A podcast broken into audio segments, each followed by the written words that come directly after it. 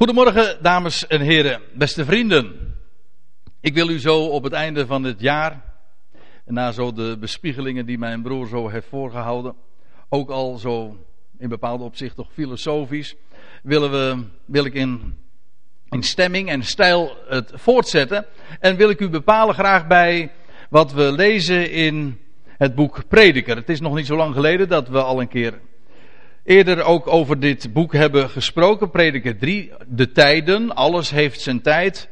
Maar ik ga nu wat verder, namelijk naar het laatste hoofdstuk van het boek, namelijk Prediker 12. En in Prediker 12, aan het eind van het hoofdstuk, wordt er gesproken over het slotwoord. Wel, aan het einde van het jaar lijkt het me helemaal geen verkeerde zaak om eens slotwoorden sowieso te spreken. Maar ik wil het ook nog in een wat ander perspectief plaatsen. En welk? Wel, daar komt u vanzelf nog wel achter. In Prediker 12, dat is uiteraard een vervolg op uh, de elf hoofdstukken die daaraan vooraf gaan, uiteraard. Maar in Prediker 11 wordt er gesproken nog over de jongeling. En dan wordt er tegen de jongeling gezegd dat hij zich zou verheugen. Er wordt in Prediker 11, vers 9 gezegd: Verheug u, o jongeling, in uw jeugd. Uw hart zij vrolijk in uw jongelingsjaren. Ja, volg de lust van uw hart. En dan gaat Prediker nog wat verder. De zoon van de Prediker, de zoon van David, Salomo. Ik kom daar straks nog even op terug. Hij gaat erop verder en dan zegt hij in hoofdstuk 12, vers 1: Gedenk dan uw schepper in uw jongelingsjaren. En dat is niet de tegenpol van wat hij zojuist had gezegd, maar eigenlijk de completering daarvan. Of feitelijk de inhoud daarvan. Verheug je je, o jongeling, in je, jongeling, eh, in je jongelingsjaren? Jazeker. Maar hoe zou je dat doen? Anders dan juist hem te gedenken die jouw schepper is. Degene die jou formeert. Degene die jou creëert en maakt. Het is dus niet van, ja, Wees vrolijk en volg de lust van je hart. Maar gedenk ook je schep. Nee, het is juist. Wees vrolijk in je jongelingsjaren. Volg de lust van je hart. Maak er wat van, als ik het zo mag zeggen. En juist daarom gedenk je schepper. In die dagen. In de dagen uw jongelingschap staat er geloof ik in de Statenvertaling, wat letterlijker vertaald. Weet u trouwens dat er als je het wat onder de loep legt, de tekst, en je kijkt naar de grondtekst, dan staat er nog iets anders. Er staat er iets heel eigenaardigs. En alle vertalingen die ik ken hebben dat weggemoffeld. Maar er staat eigenlijk iets anders. Namelijk niet gedenk aan uw schepper, maar uw scheppers. Meervoud. En omdat men vermoedelijk niet geweten heeft wat men daarmee aan moet, heeft men het maar in het enkelvoud weergegeven. En dan zeggen ze, bepaalde vertalingen of verklaringen zeggen al in de voetnoot, ja, in, in, letterlijk staat het in het meervoud en dat zal dan wel een majesteitsmeervoud zijn. Maar ik moet u zeggen, ik heb het eens bij Paulus nagevraagd en die zei dit. In 1 Korinthe 8 vers 6. Voor ons nogthans is er één God, de Vader, uit wie alle dingen zijn en tot wie wij zijn, en één Heere, Jezus Christus, door wie alle dingen zijn.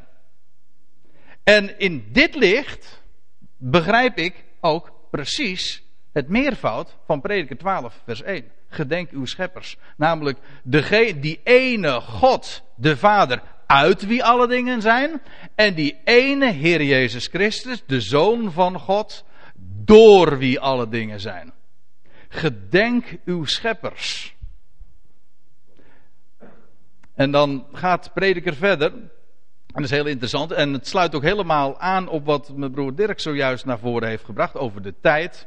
Want prediker is daar ook zo sterk mee bezig. Prediker gaat over de ijdelheid van dit bestaan. Zo begint het boek en dat is eigenlijk het telkens terugkerend refrein in het boek. Ijdelheid der ijdelheden, alles is ijdelheid. Waarom? Hoezo ijdel? Nou, om meer dan één reden, en dat wordt ook in dit boek allemaal uitgelegd, maar de reden bij uitstek is dat alles vergaat. Alles is in de slavernij van de vergankelijkheid, om het eens wat plechtig te zeggen met Romeinen 8. De hele schepping is slaaf van de vergankelijkheid. De dingen vergaan. Wel, dat is met de mensenleven ook. En als er staat in Prediker 12, gedenk uw schepper in uw jongelingsjaren, dat zijn de beste jaren van je leven, fysiek gesproken. Hoe het geestelijk is, is nog weer een ander verhaal want dan is het zo dat uh, de uiterlijke mensen mogen dan in verval zijn. Als, ik citeer Paulus. Maar de innerlijke wordt van dag tot dag vernieuwd. En dan kan het leven steeds beter worden. Daar, daar ben ik vast van overtuigd. Maar fysiek is het een onmiskenbaar verhaal. Is het leven gewoon een aftakelingsproces. En in Prediker 12 wordt het ook op een schitterende manier beschreven. Het is maar niet zo dat het leven een keertje ophoudt. Een keertje eindig is. Zo van, nou ja, je bent dus de, je leeft je leven zoveel jaren, een x aantal uh, jaren, en dan is het padsboom over. Nee, het is een proces daarnaartoe. Het is een aftakeling die uiteindelijk eindigt in de dood. Dat is misschien een wat macaber of tragische manier om er tegenaan te kijken, maar het is gewoon de realiteit. En zoals prediker dat ook naar voren brengt, is, is prachtig. En hij doet het zeer beeldend. Hij zegt dus, gedenk uw schepper in uw jongelingsjaren. En dan gaat hij dat heel uitgebreid beschrijven. En we zullen hem uh, niet, al te, niet al te breedsprakig, maar we zullen hem toch even volgen in de wijze waarop uh, de Salomo dat doet. Voordat de kwade dagen komen en de jaren naderen waarvan gij zegt, ik heb daarin geen behagen.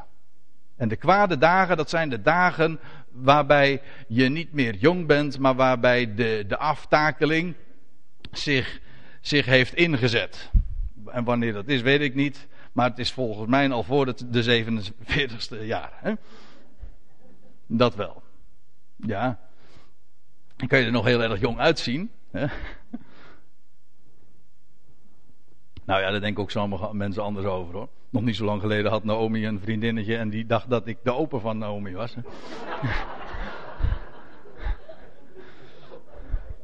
ja. Maar goed. Voor de rest was het een heel aardig meisje hoor. Uh, voordat die kwade dagen komen en de jaren naderen waarvan gij zegt: Ik heb daarin geen behagen. En hoezo? Nou, dat gaat dan gaat prediker uitleggen. Voordat de zon verduisterd wordt, evenals het licht en de maan en de sterren en de wolken na de regen weerkeren. Het hele uh, verschijnsel is uh, dat van de levensavond, zo noemen we dat ook. Hè? De levensavond treedt, uh, treedt aan en, en, en begint. Of een ander proces waar je, waar je het ook mee kunt vergelijken. De lente, waarin alles tot bloei komt en waarin de zon schijnt, wordt uiteindelijk van zomer herfst. En daar gaan de blaadjes van de bomen rollen en dan wordt alles kaal. En nou ja, dat is het, uh, dat is het, het fenomeen wat hij in vers 2 ook beschrijft. De zon wordt verduisterd, het licht wordt minder en de wolken na de regen weer weerkeren. Op de dag dat de wachters van het huis beven.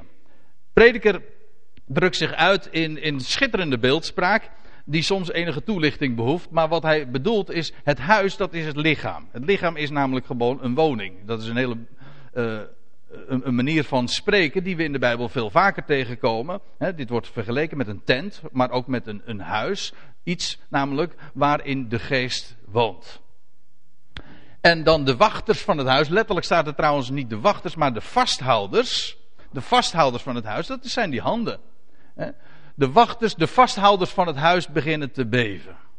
De vader was van de week nog bij ons op bezoek en die zegt: Moet je eens kijken naar mijn hand. En dat, die man die is inmiddels ook tegen de tachtig. Uh, maar dat proces kan dan trouwens al veel eerder beginnen. De, dag, de, de, de vasthouders van het huis beginnen te beven. En de sterke mannen zich krommen. Dat gaat het over de, de sterke mannen, dat is het meervoud. Dat gaat het over die benen die krom worden trouwens niet alleen die benen, zoals ook dit plaatje laat zien. En de maalsters ophouden omdat haar aantal gering geworden is.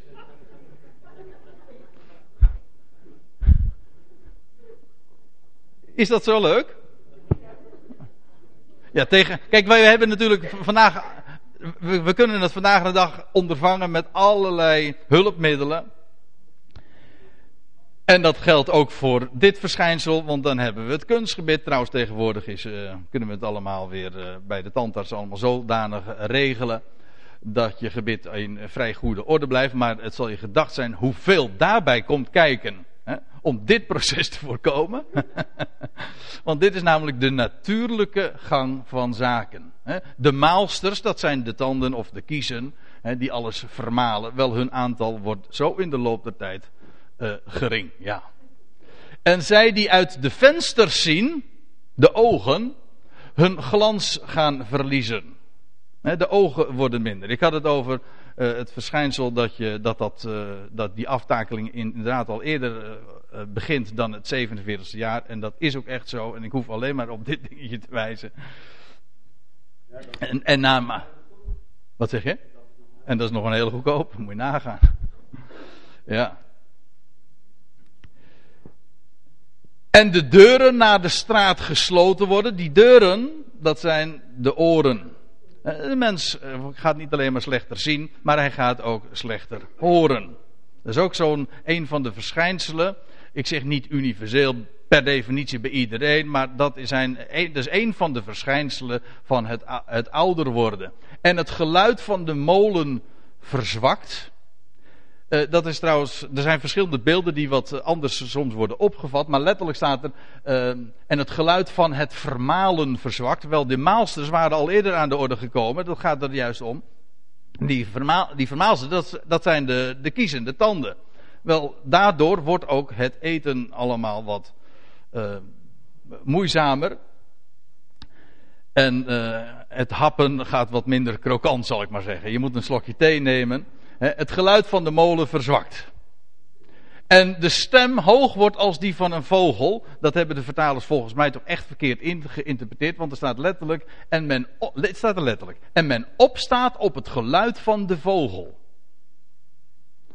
Het gaat hier over het, eh, over het verschijnsel van slapeloosheid. Het minste of geringste geluid is al voldoende om je te doen opstaan. En kan je vervolgens de slaap weer niet vatten.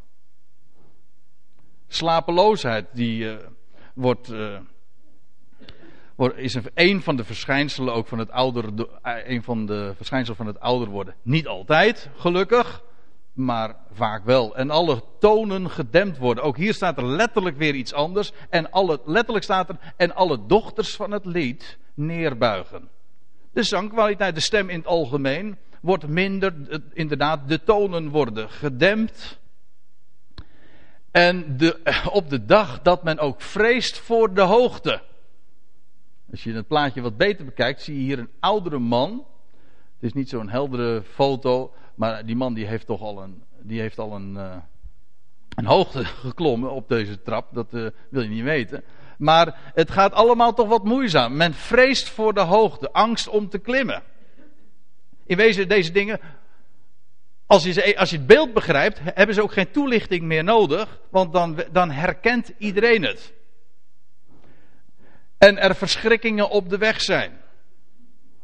Dan zie je een, twee, twee omaatjes die uh, bij het treinstation ehm, elkaar moeten ondersteunen. Maar sowieso, het is, het is een, een verschijnsel dat, uh, dat zich altijd weer voordoet. Ja, sommige mensen hebben er geen last van. Die reizen zelfs op hoge leeftijd nog de grootste afstanden. Dat wel.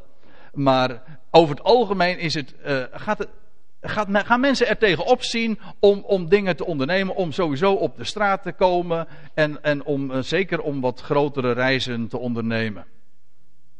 En de amandelboom bloeit. Mijn broer Dirk had het zojuist al even over Einstein. Zonder dat we het afgesproken hebben, maar die had ook zo'n mooie amandelboom. Hè? Want een amandelboom is namelijk zo'n zo'n mooie witte boom. En de amandel, als hier gesproken wordt, de amandelboom bloeit, dat is het eh, verschijnsel van eh, de mensen die ouder worden, die worden grijs. Of kaal, of beide, dat kan ook nog. Ja. Ja, ik, zou, ik, ik zit nu naar een paar mensen te kijken die, die, die zitten te lachen en die denken van hij gaat toch niet mijn naam noemen? nee, doe ik niet. En terwijl die amandelboom trouwens, dat is wel heel, heel, grappig. Hier wordt, het, hier wordt het geassocieerd met de vergankelijkheid, met het ouder worden. Maar in het algemeen, en daar wil ik toch even op wijzen, in het algemeen is het zo dat de amandelboom juist een, in de Bijbel een embleem is van nieuw leven. Van de opstanding. Wat dacht u van die staf van Aaron?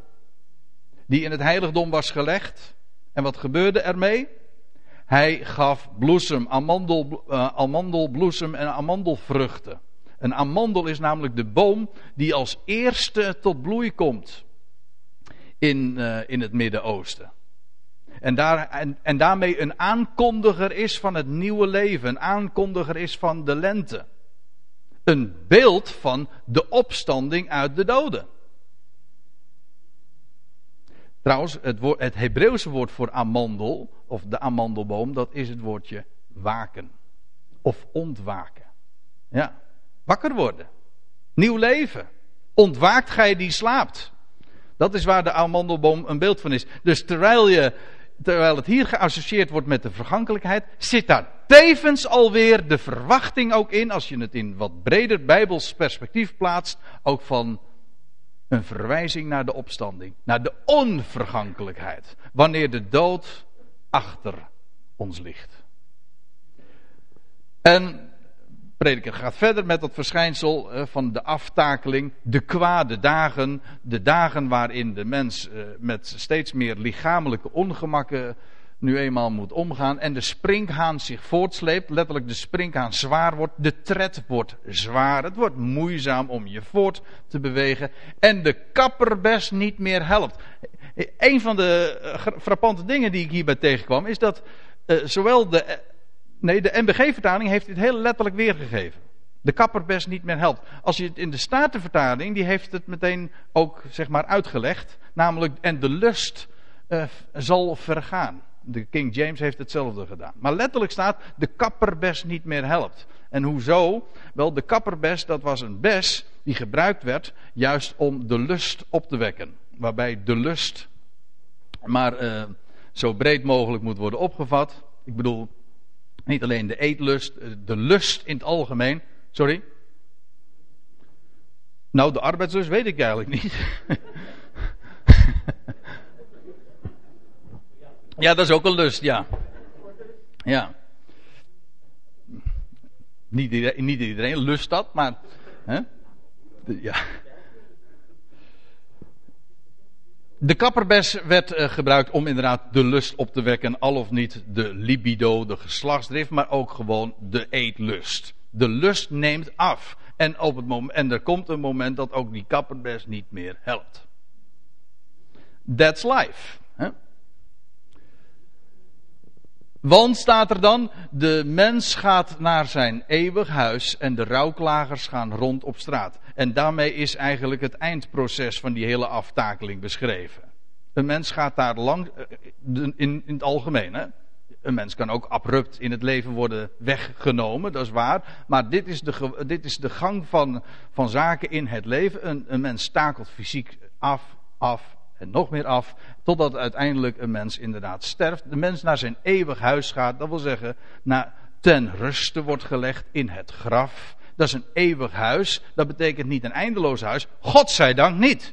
Het eeuwig huis betekent juist het huis van de Aion. Het huis waar die ten ruste wordt gelegd, totdat de dag aanbreekt.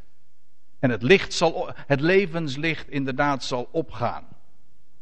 De mens die gaat uh, wel, de, de mens sterft, die gaat naar zijn eeuwig huis. En de rouwklagers die gaan rond op de straat. U zegt, sorry André, maar dit vind ik tot dusver geen goed bericht. Dan zeg ik, daar heb u gelijk aan. Op zich, dit hele proces van aftakeling is geen goed bericht.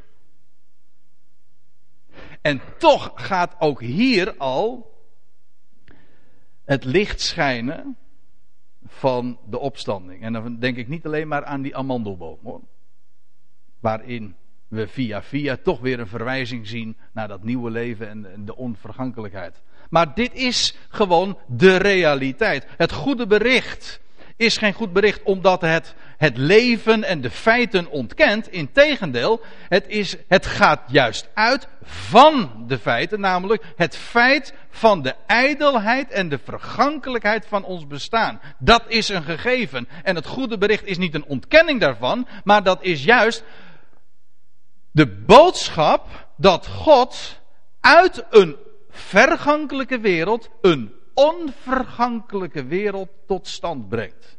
De, niet de, een ontkenning van de dood, maar een overwinning op de dood.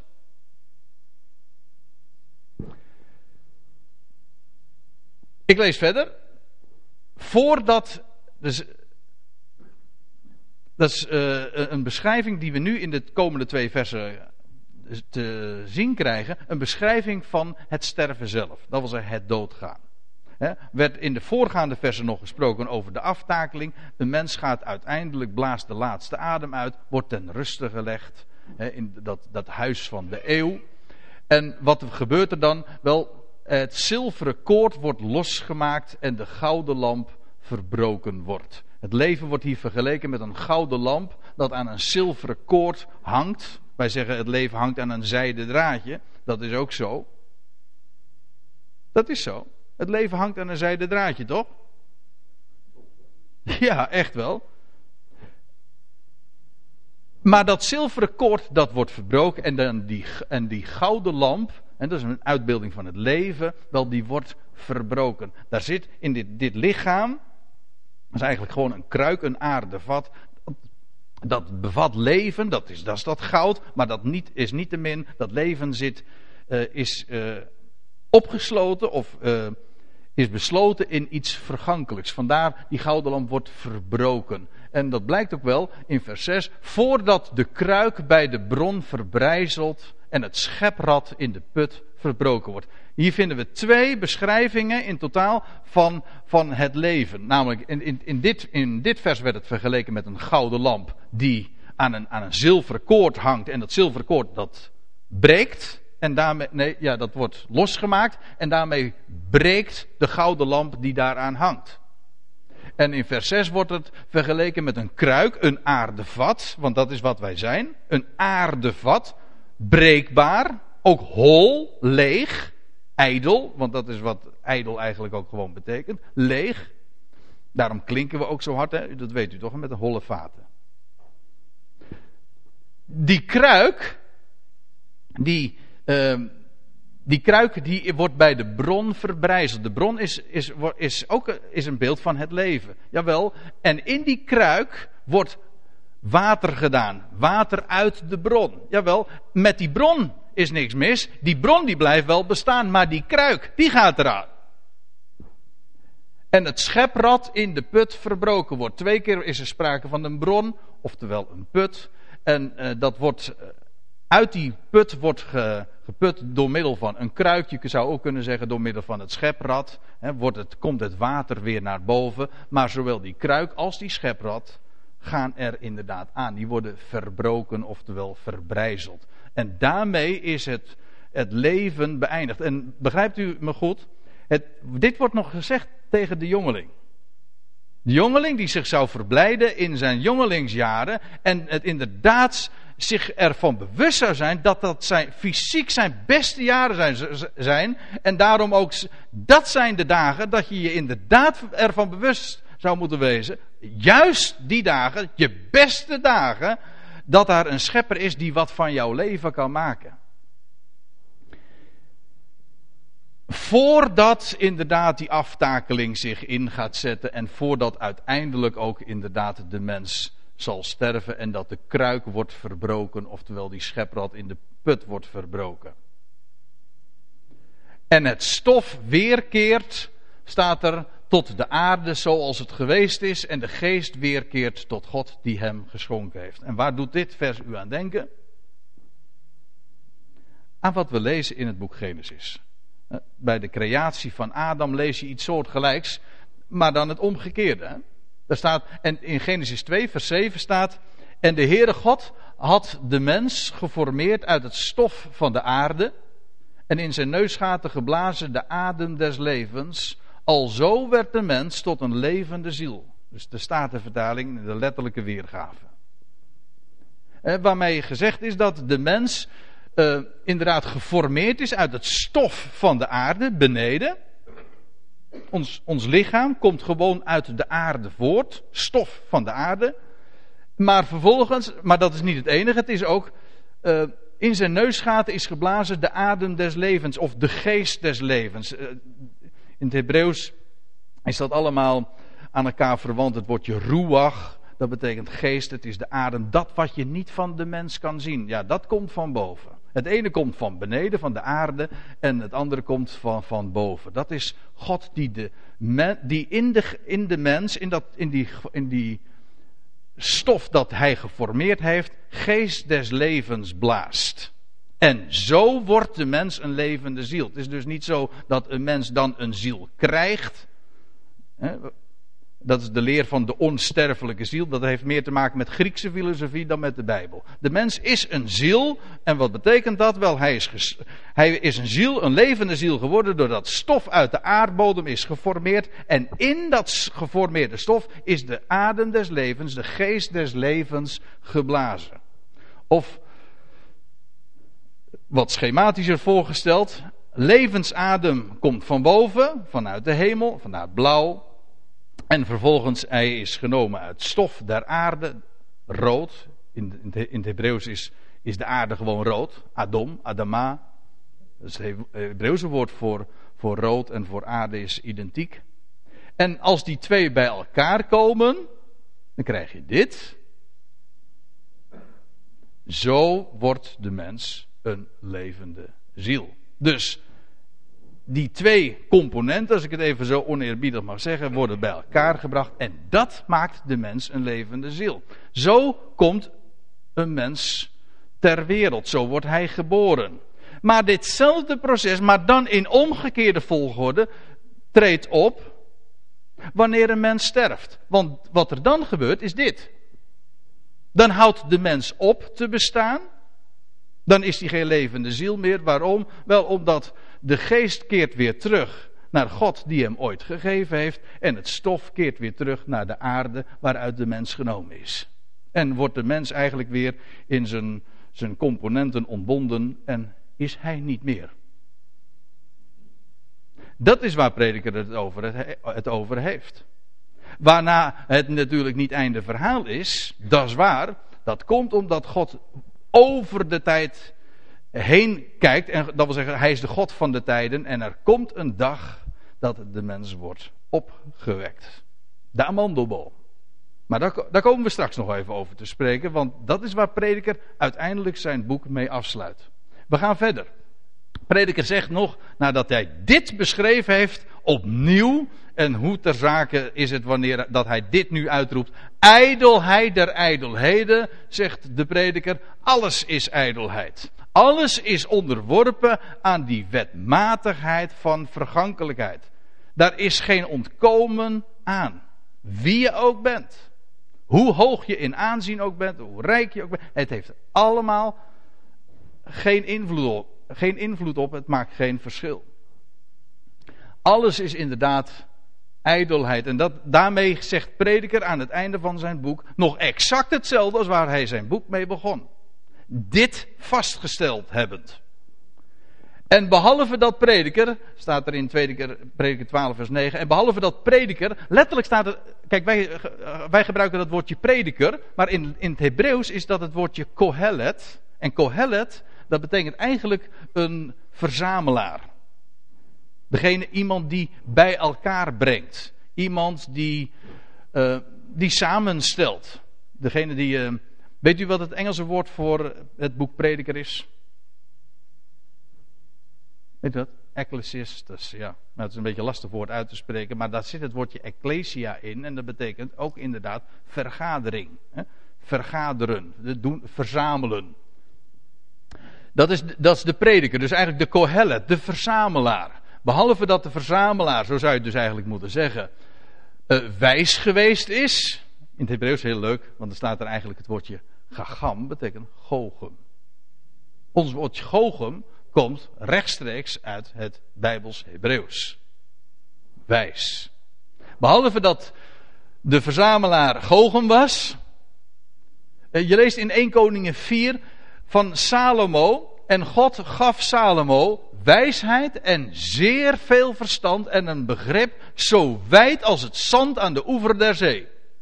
zodat de wijsheid van Salomo groter was dan die van alle uit het oosten en dan al de wijsheid van Egypte. Als je het nog even verder leest, dan staat er zelfs nog bij dat overal van alle volkeren onder, uh, op de aarde kwamen delegaties om bij Salomo inderdaad te, uh, te wezen en om te horen van de woorden van wijsheid die hij heeft gesproken. Dat is onvoorstelbaar zo groots geweest. En het is niet moeilijk om in deze Salomo een directe verwijzing te zien naar die andere zoon van David. Het is heel grappig, hè? want het boek Prediker begint met Prediker 1, vers 1. De, de prediker staat er dan, de zoon van David. De zoon van David. Maar als ik de term zoon van David hoor, dan denk ik in de eerste plaats aan de Messias. Wel, Salomo, zijn naam betekent ook gewoon vrede of vredevorst. Salomo is niet anders dan één prachtig plaatje van hem, van die andere zoon van David, de zoon van David, de echte erfgenaam, degene die ook in deze wereld straks zijn intrede zal doen en zal heersen in wijsheid. Jazeker. Hij zal heersen vanuit Jeruzalem op dezelfde plaats waar ooit Salomo zijn heerschappij had. En alle volkeren, of vele volkeren zullen hem onderworpen zijn. Dat was van Salomo het geval. En hij heeft een, een rijk van geweldige uh, van omvang ge, gecreëerd. En hij, in zijn dagen is er vrede en, en gerechtigheid geweest. En die heerschappij van Salomo is een, is een schitterend type van de heerschappij die straks zal aanbreken wanneer die andere zoon van David zal komen. En van die predikers lees je nog, hij heeft het volk in kennis onderwezen en hij overwoog en onderzocht en hij stelde vele spreuken op. In datzelfde 1 Koningen 4 lees je nog, hij sprak immers 3000 spreuken en een deel daarvan hebben we in het boek Spreuken nog bewaard uh, gehouden. Of is in het boek Spreuken bewaard gebleven. En liederen van hem waren er duizend vijf. Die man heeft een zeer arbeidzaam leven gehad. En heeft zulke geweldige dingen naar voren gebracht. Wij hebben uiteindelijk maar één lied, maar wel het mooiste lied trouwens. Het lied der liederen, want zo heet het boek Hooglied. Maar van dezelfde auteur. Ook van deze Salomo. En dan staat er in vers 10: Prediker zocht, een zocht welgevallige woorden te vinden, een oprecht geschrift, betrouwbare woorden. Wel, de weerslag daarvan vinden we in het boek Prediker. En de woorden van wijze staat er in vers 11, die zijn als prikkelen. Het woord wat hier voor prikkelen gebruikt wordt, dat is, dat is een term uit de landbouw, waarbij, waarbij bijvoorbeeld voor runderen die gespannen zijn voor een ploeg, uh, voortbewogen worden door prikkels, door scherpe punten, zodat ze in een richting in beweging gezet worden. Wel, zo zijn de woorden van wijsheid. Prikkels, ze prikkelen de mensen, ze dwingen als het ware de mens om in een richting zich voort te bewegen. Dat is wat wijze woorden, woorden Gods, want zo durf ik het in dit verband wel degelijk ook te noemen, daar gaat het ook over. Dat zal uit het volgende vers vanzelf nog wel blijken. Dat is de kracht van de woorden Gods. Het, is, het werkt als een prikkel. En dat niet alleen, want staat er, als ingeslagen nagelen zijn de verzamelingen daarvan. Gegeven zijn zij door één herder. Letterlijk staat er trouwens niet de verzamelingen, maar de beheerders van de verzamelingen. Dus je hebt aan de ene kant de wijze woorden. Maar de verzamelingen van die wijze woorden, die zijn als ingeslagen nagelen. Wat namelijk blijkt, is dat die wijze, al die woorden van wijsheid, maar niet losse onderdelen zijn. Nee, ze blijken samen te hangen. Als ze bij elkaar gebracht worden, dan is het één geheel. Dan blijkt het allemaal met elkaar verband te houden. En dat is ook zo geweldig aan de schrift. Het zijn, het zijn maar niet alleen maar woorden van wijsheid, maar de verzamelingen ervan zijn als ingeslagen nagels, als draadnagels die het geheel bij elkaar brengen. En vandaar ook dat de Heer Jezus zegt in Johannes 10, de schrift kan niet gebroken worden. Het zijn niet alleen maar de schriften, het zijn maar niet alleen boeken die bij elkaar gebracht zijn. Nee, die, die, het geheel van die schriften is uiteindelijk gewoon de schrift. Enkelvoud. Kan niet gebroken worden, het hoort bij elkaar. Het een verklaart het ander. En Genesis kun je alleen maar begrijpen in het licht van openbaring. Ik noem maar wat. Alles hangt met alles samen. Ik kreeg van de week nog van iemand een mailtje en die, die bedankte me voor de, de Bijbelstudies. Dat was erg aangeslagen, waar ik natuurlijk vervolgens ook erg, dankbaar voor was. Maar wat hij schreef vond ik zo mooi. Hij zegt: wat, wat, mij vooral opvalt, is, of wat mij zo enorm goed gedaan heeft, is het uh, typologisch onderwijs. Hij zegt: Want dat heeft mij des te meer overtuigd van de waarheid van de schrift. En dat, zo, zo vergaat het mij ook. Juist wanneer je bezig bent met de typologie, met de diepere zin der dingen van, de schrift, dan blijkt alles met elkaar samen te hangen. En dan is het inderdaad als een puzzel. al die stukjes, die, dat, zijn maar, dat zijn maar geen losse delen die niks met elkaar te maken hebben. Integendeel, ze zijn op elkaar aangelegd. Het is, het heeft, het is één concept, één bedenker, één creator.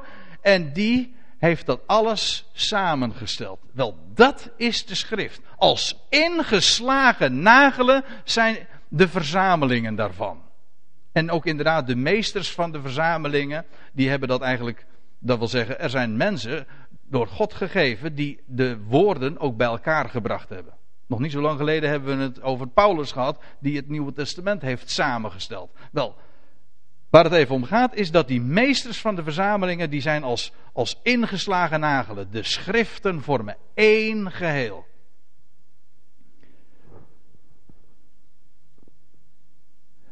En staat er dan nog in vers 12 van prediker 12 en zegt Salomo, en overigens mijn zoon, wees gewaarschuwd, er is geen einde aan het maken van veel boeken en veel doorvorsen is afmatting voor het lichaam. Wees gewaarschuwd. Er wordt wat tekst geproduceerd. En kijk naar, het, naar een bibliotheek. Maar ik zou zeggen, uh, kijk eens op het internet. Kijk eens op wat er allemaal geschreven wordt aan boeken. Er is geen eind aan. En als je daar allemaal van kennis moet nemen, zoals je soms wel eens gedwongen wordt, dan is dat inderdaad soms afmatting van het lichaam. En je wordt er ook vaak niet vrolijk van. Maar dat is nu typisch eigen aan dat wat de mens produceert. Kijk, in het voorgaande vers was er nog gesproken over de woorden Gods. Die uiteindelijk allemaal gegeven zijn. Ik, ik heb er nog niet eens op gewezen. Ze zijn gegeven door één herder. Door één iemand die dat alles beheert. Die daar, eh, eh, die daar zo zijn, zijn oog op heeft. Zoals een herder oog heeft voor, voor het totaal van zijn kudde. Niet alleen maar voor die schaapjes afzonderlijk, maar voor de kudden als geheel. Eén. Kijk, dan hebben we het over de woorden Gods. Dat werkt als prikkels. Dat doet wat. Dat zet je in beweging. Dat zet je in de richting waar je wezen moet. En bovendien, dat geeft vastheid aan het leven, schoonheid aan het leven. Die schrift, dat is zo geweldig. Dat is namelijk een creatie van God. Mensenwoorden, dat is dit. Dat is afmatting. Er is geen eind aan, het is eindeloos en bovendien het leidt tot niks, behalve dan dat het je al je energie opvreet. Het verschil tussen Gods woord en het verschil tussen, eh, tussen Gods woord en mensenwoord. Van al het gehoorde, ja, dan wordt, dan wordt het echt heel mooi van al het gehoorde is het slotwoord vrees God. Letterlijk staat er vrees de God. Al eerder in het boek stond er iets prachtigs. In Prediker 3. Hoe, hoezo vrezen van God? Vrezen betekent niet bang zijn voor, maar ontzag hebben. Heilig ontzag hebben voor de God. En eerder in het boek had Salomo daar al over gesproken. Over waarom God zo te vrezen is. Dat wil zeggen, waarom hij zo iemand is, waarom hij iemand is, die inderdaad zo heilig ontzag inboezemt. Laat ik het lezen. Prediker 3, vers 14. Hij zegt: Ik heb ingezien dat al wat God doet voor eeuwig is. Dat wil zeggen, het, over, het overstijgt onze tijd. Over ons, kijk, ons leven, dat is, nou ja, een aantal decennia en dan houdt het op. Maar wat God doet, gaat daar overheen. Dat is met het oog op dingen die wij helemaal niet kunnen zien. In het Hebreeuws is dat woordje eeuwig, olam, dat heeft te maken met dat uh, wat wat, niet, wat uh, het einde daarvan kan niet gezien worden. Het is verborgen. Dat is wat olam eigenlijk ook betekent. God doet dingen met het oog op zaken die door ons oog, door onze waarneming niet gezien worden. Vandaar ook dat God niet na te rekenen is. Begrijpen we ook helemaal niets van hem. Dat stond trouwens ook in datzelfde prediker 3. Ik heb ingezien dat al wat God doet voor eeuwig is, voor de olam is, verborgen is. Daaraan, en nou vind ik het, nou komt het. Daaraan kan men niet toedoen en daarvan kan men niet afdoen. En de God, dezelfde uitdrukking als in Prediker 12. En de God, de God doet dat opdat men voor zijn aangezicht vrezen. Dus God is de God. Hij doet dingen met het oog op zaken die, uh, die aan onze ogen ontrokken zijn, voorbij onze gezichtseinder, voorbij onze horizon liggen. En daaraan kan men helemaal niks toedoen. Daaraan kan men ook helemaal niets afdoen. En dat is zo, opdat we daarom God zouden vrezen. En dit is nou precies wat het evangelie tot evangelie maakt. Er kan niets aan Gods werk toegevoegd worden. Er kan ook, godzijdank, niets van worden afgedaan. Het feit staat er. En of je er nou aan wil of niet, het feit staat er. Er kan niets aan toegevoegd worden. Er hoeft ook niks aan toegevoegd te worden, want Gods werk, Gods werk, Gods weg is volmaakt. En men kan er ook niets aan afdoen. En daarom is dit woord, wat prediker hier zegt, zo ontzagwekkend. Inderdaad, daarom zegt dat ontzagwekkend, opdat men voor zijn aangezicht vrezen. Want de mens wordt daarmee feitelijk gereduceerd, in dit opzicht, begrijp me goed, tot een nul. Men kan er niks aan toevoegen, men kan er niks aan afdoen, en, en dus is de mens ten opzichte van de Almachtige in dit opzicht inderdaad een nul. En heb de moed om inderdaad een nul te zijn. Weet u dat daar een Bijbels woord voor is? Dat is ootmoed. Want ootmoed is niks anders dan de moed om een ootje. Maar een o is gewoon een nul. De moed om een ootje te zijn. Elkaar in het ootje nemen. Ja, dat is, dat is de ander tot een nul maken. Maar echte ootmoed, dat is de moed in de, de erkenning van deze waarheid. Een nul te zijn ten opzichte van de, de ene. En bij elkaar zijn, is dat trouwens perfect, u weet het. Als ik dan toch even de beeldspraak af mag maken. Hè. We zijn een nul ten opzichte van de ene, maar bij elkaar. En als hij voorop staat, dan is het toch een tien, precies. En dat is perfect. Daaraan kan men niets afdoen, men kan daar niks aan toedoen en daarom is die ontzagwekkende God zo te vrezen. Daarom is het ook gewoon een bericht. Het is ook niet pep talk, het is ook niet een moralistische boodschap van wat een mens zou moeten doen. Nee, het is een gegeven wie God is. En wat hij doet en wat hij gedaan heeft en wat hij zal doen. En daar kan je niks aan toevoegen. Hoeft ook niks aan toegevoegd te worden. En daaraan kan ook niets worden afgedaan. Halleluja zou ik zeggen. Prijs hem, want dat is de waarheid. Ik ga nog even verder. Het slotwoord, hè, want ik moet even. Oh ja, van al het gehoorde is het, is het slotwoord, want daar hadden we het al, is het slotwoord, het, laatste woord. Het, het, boek Prediker eindigt ermee. Maar begrijp me goed, het is ook het slotwoord feitelijk van de hele schepping. Vrees God. Ja?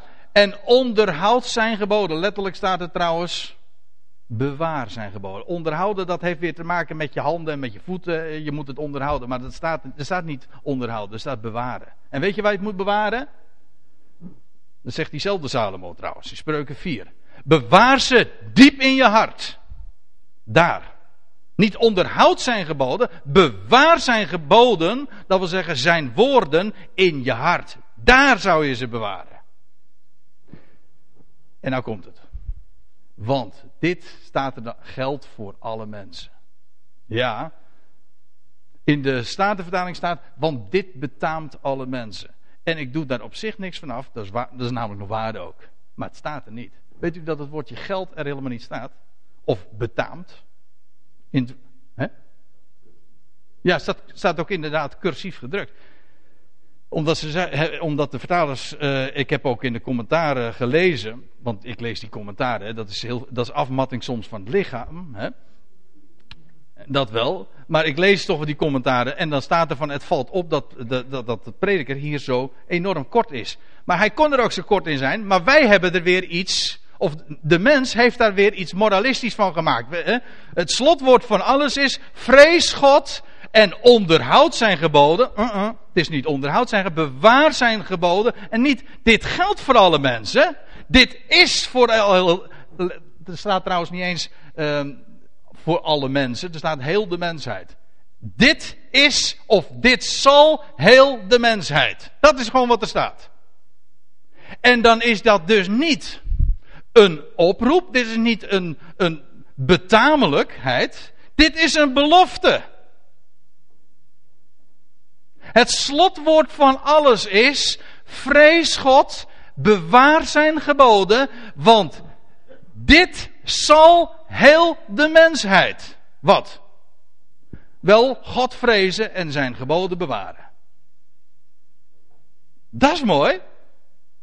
Dat betekent dus dat het slotwoord van, van het boek Prediker, maar het slotwoord feitelijk van ons, van dat hele ijdele bestaan is, God is degene die te vrezen is, wiens woord en wiens geboden bewaard zouden worden, maar ook bewaard zullen worden. Men, en dit verzin ik niet hoor, zo staat het er namelijk. Dat woordje, hele, dat woordje betamen en dat woordje uh, geld staat niet in de grondtekst. Het is hier niet een oproep. Het is niet een moralistische conclusie. Het is namelijk een feit. Ook hieraan kan men niet afdoen, hieraan kan men niet toedoen. Hier wordt een belofte gegeven. Het slotwoord voor alles is dat heel de mensheid God zal vrezen en zijn geboden zal bewaren. Hier. Vanuit het hart.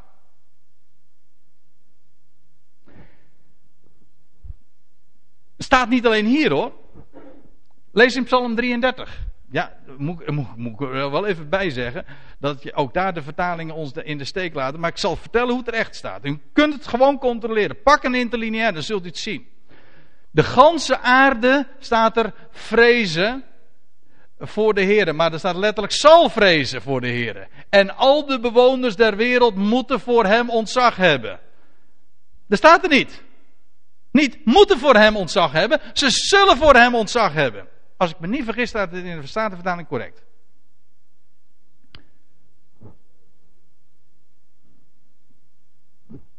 Hm? Oh, laat. Ja, nee, dan is het nog niet goed. ja, dan is het nog een oproep. Maar dan is het.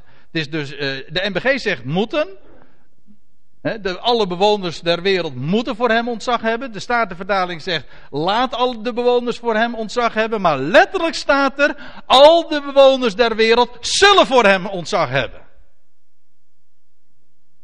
Dat is dus gewoon onwillekeurig een belofte, een aanzegging. Waaraan men niet kan afdoen, waaraan men niet kan toedoen. En waarom, weet u waarom ik het zeg? Opdat we inderdaad God zouden vrezen.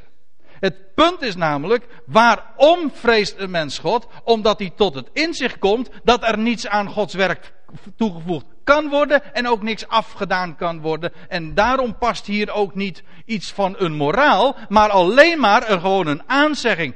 De God van de schrift, de God van deze schepping, zal dit bewerken. Heel de mensheid, al de bewoners van de wereld, die zullen voor hem ontzag hebben. Want staat er, hij sprak en het was er. Hij gebood, heb je dat woord weer, en het stond er. Dat zijn de, de geboden van God, dat is maar niet een moralistisch moeten. Nee, dat is, het is inderdaad een moeten, maar dan in de zin van een wetmatigheid. Als God iets zegt, dan gebeurt het. Daarom zouden wij het ook niet moeten onderhouden met onze handen en voeten. Nee, weet je wat het voldoende is? Om dat woord van God in je hart te hebben. En het woord is zo krachtig dat het altijd zal doen wat het hem behaagt. Want als hij spreekt, dan is het er. En de grote ellende van de mens is dat wij daar niet zoveel vertrouwen in hebben. En dus gaan we het woord aanpassen. En gaan we bijvoorbeeld van zullen, gaan we moeten maken. Want we denken van ja, dat is, het zou allemaal wel makkelijk zijn. Hè? Maar zo op die manier doe je het goede bericht, het evangelie, juist tekort. Want God, ja, want dat, nu stel je één vraag, hè? Ten slotte, dan stel je één vraag. Hoe kan dat dan? Heel de mensheid zal hem vrezen en zijn woord bewaren. Hoe dan? Dan moet er nog wel wat gebeuren, zegt u. Ja, inderdaad. En daarom eindigt prediker ook met dit woord. Want God zal elke daad doen komen in het gericht over al het verborgene. Het zij goed, het zij kwaad. Dit is het slot van het boek. Daarmee wordt een punt gezet achter dit boek. Maar begrijpt u nu waarom dit er staat? Het is altijd zo opgevat, die voorgaande versen, van ja, de mensheid die moet wel God dienen en zijn geboden onderhouden, want er komt een tijd dat God de rekening zal presenteren bij de mens. En daar zie je die waarschuwende vinger. En dat is juist wat ontbreekt wanneer je de loep erop legt, want Prediker eindigt met een geweldig slotwoord als een belofte. Er staat, heel de mensheid zal hem, vrezen, zal hem vrezen en zal zijn woord bewaren. En hoe gaat God dat dan realiseren? Want dan moet er toch nog wel het een en ander gebeuren. Nou, precies. Want God zal elke daad doen komen in het gericht. Overal, over al het verborgen. Het zij goed, het zij kwaad. Dat wil zeggen, God gaat alles rechtzetten. Want dat is wat het woordje gericht ook gewoon betekent. Hij gaat alles richten, rechtzetten, op zijn plek zetten. En dat is dus een blijde boodschap. Dat gericht is niet een doembeeld. Nee, in tegendeel, dat is juist de wijze waarop God gaat realiseren de hele mensheid aan zijn voeten te brengen. En aan zijn hart te brengen. Zodat ze van hart inderdaad zijn woord zullen bewaren. En dat is het slotwoord. En daarmee wilde ik graag ook deze samenkomst afsluiten, want ik zie dat het alweer hoog tijd is. Het slotwoord is: heel de mensheid zal hem vrezen en zijn woord bewaren. En God zelf houdt het helemaal aan zich om dat te realiseren. Door gericht heen gaat hij dit tot stand brengen. Amen.